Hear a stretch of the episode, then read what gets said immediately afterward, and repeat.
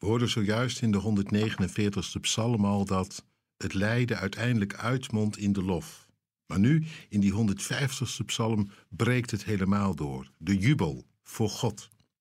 En ik kan me zomaar voorstellen dat als die toekomst van God aanbreekt, het oude voorbij, een nieuwe hemel, een nieuwe aarde, dat je ook niet anders meer weet te zeggen tegen elkaar dan wat er gezongen wordt in dit lied. Dat je elkaar ertoe oproept. Loof God in zijn heilige woning. Ja, heel de aarde is dan zijn woning, toch? Loof hem in zijn machtig gewelf. Die aarde onder een nieuwe hemel, een kosmos, die het kwaad voorbij is. Ongekend.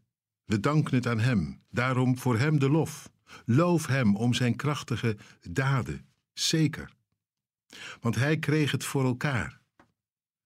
Dat wat geen mens voor elkaar kreeg, dat het shalom werd, wereldwijd. Wij met elkaar, ja, we gingen ervoor. Altijd weer opnieuw brak het ook bij de handen af.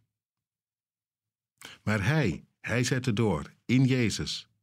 Het kwaad kreeg hij eronder, het leven brak door en dat van Jezus, dat kreeg wereldwijd bereik. Althans, zo zal het zijn in zijn toekomst. Zijn krachtige daden, niemand zo krachtig als hij. Nog een keer erachteraan, loof hem om zijn oneindige grootheid, niet af te meten. Zo groot is hij, in liefde, in trouw, in kracht, in macht, in geduld en in goedheid. Daar danken we het aan.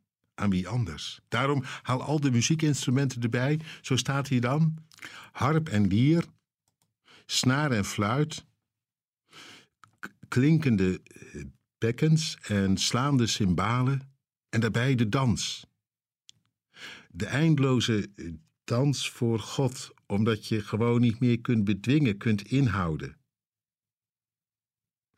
Ik hoor het ook terug in openbaringen. Eer, lof, aanbidding, dankzegging en eer. De woorden buitelen daar over elkaar heen. Voor hem die op de troon zit. Je zag hem soms niet, je dacht, zit hij er nog wel? En toch, nu blijkt het ineens. Alle lof voor hem, die trouw was aan wat hij zei, de eerste en de laatste, het begin en het einde. En aan het lam, die ons gekocht heeft met zijn bloed en ons getrokken heeft uit het duister in het licht, die ons erin laat delen. Lof ook aan de geest, die ons er oor en oog en hart voor gaf, die ons erin betrok.